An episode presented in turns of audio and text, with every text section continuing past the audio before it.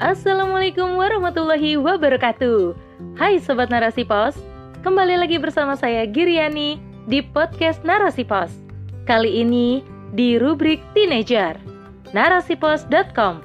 Cerdas dalam literasi media, bijak menangkap peristiwa kunci.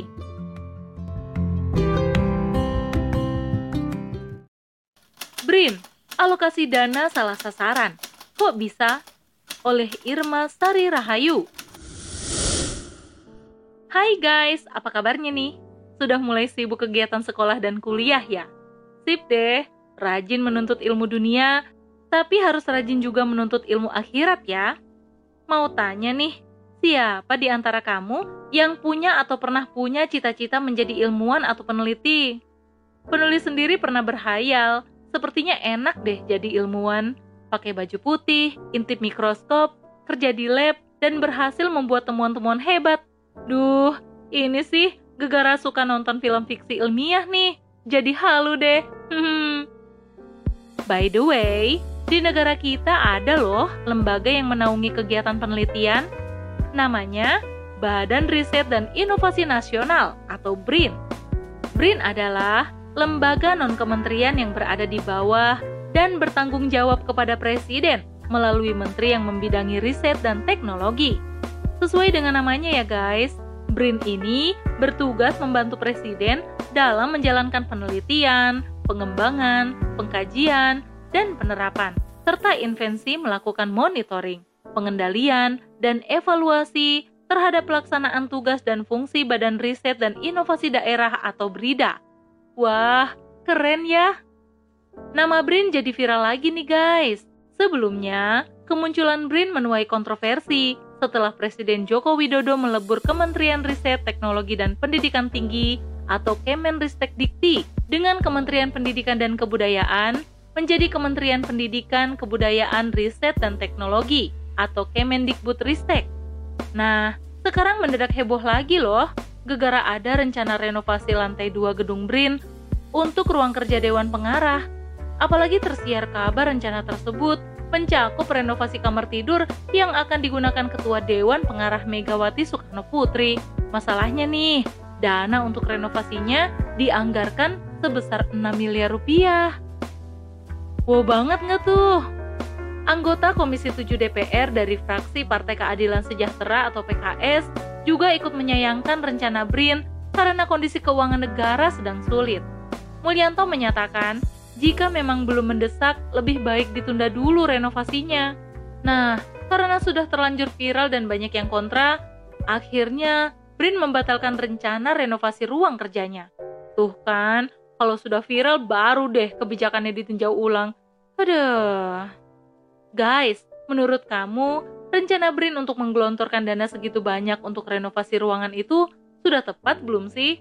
Hmm, kayaknya sih belum ya dan cenderung gak tepat. Kenapa sih nggak dipakai aja untuk kegiatan penelitian itu sendiri? Masih banyak loh bidang ilmu yang butuh dana besar untuk riset mereka. Bidang kesehatan misalnya. Belajar dari kasus pandemi corona, negara-negara besar langsung sigap membuat vaksin. Berarti tim riset mereka langsung bergerak cepat meneliti dan menemukan solusi untuk mengakhiri pandemi. Seyogianya sih, negara kita juga bisa begitu kan? Masih banyak bidang lain yang butuh sentuhan riset loh. Apalagi kalau dikaitkan dengan masalah yang terus membelit negeri ini. Sampah, krisis energi, industri transportasi, polusi, krisis pangan, dan lain-lain.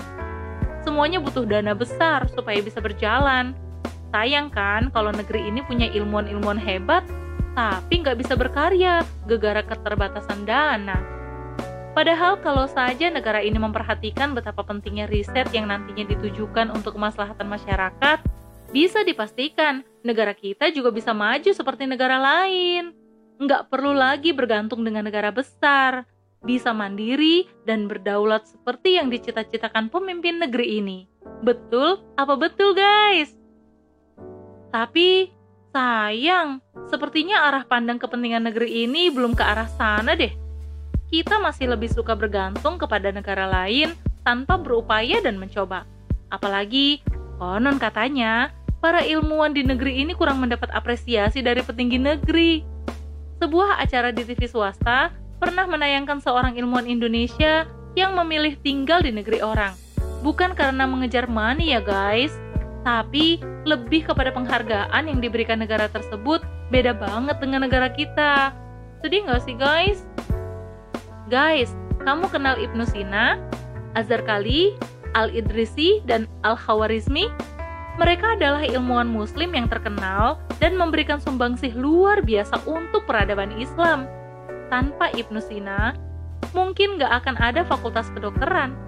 Azhar Kali adalah seorang astronom yang mengenalkan astrolab untuk mengukur jarak bintang dari horizon bumi sebagai cikal bakal ilmu navigasi pelayaran. Al-Idrisi, pakar geografi yang membuat globe dari bahan perak. Hebatnya lagi, globe buatan Al-Idrisi sudah memuat tujuh benua dengan rute perdagangan, sungai, dan lain-lain dengan rinci. Masya Allah, can you imagine that? Sedangkan tanpa adanya Al-Khawarizmi, kita nggak akan kenal yang namanya angka nol. FYI, para ilmuwan ini dan masih banyak lagi ilmuwan muslim lainnya hidup di masa kehilafahan Islam, terutama pada masa Bani Abbasiyah Kemunculan para ilmuwan dengan penemuan-penemuannya yang menakjubkan menjadi mercusuar bagi ilmuwan barat. Bahkan mereka sendiri mengakui loh kalau ilmuwan muslim punya jasa besar sekali untuk bangkitnya peradaban barat sekarang. Emmanuel Deschaux, ilmuwan asal Jerman mengatakan, semua ini yakni kemajuan peradaban Islam telah memberikan kesempatan baik bagi kami untuk mencapai kebangkitan atau renaissance dalam ilmu pengetahuan modern. Karena itu, sewajarnya lah kami senantiasa mencucurkan air mata tatkala kami teringat akan saat-saat jatuhnya Granada. Guys, keberadaan para ilmuwan muslim yang hebat ini nggak lahir tanpa adanya dukungan dari negara. Khilafah Islam, terutama masa Bani Abbasiyah, sangat mendukung penuh pendidikan. Negara membangun banyak perpustakaan dengan ratusan buku yang boleh dibaca oleh siapa saja. Makanya, umat Islam saat itu sangat maju tingkat literasinya. Nggak seperti sekarang, lebih suka tiktokan daripada baca buku. Mengsedih ya guys? Khilafah juga nggak pelit untuk menyediakan dana untuk berbagai riset. Kenapa coba? Karena khilafah memandang penting arti ilmu pengetahuan yang akan digunakan untuk kemaslahatan kaum muslim. Dananya dari mana?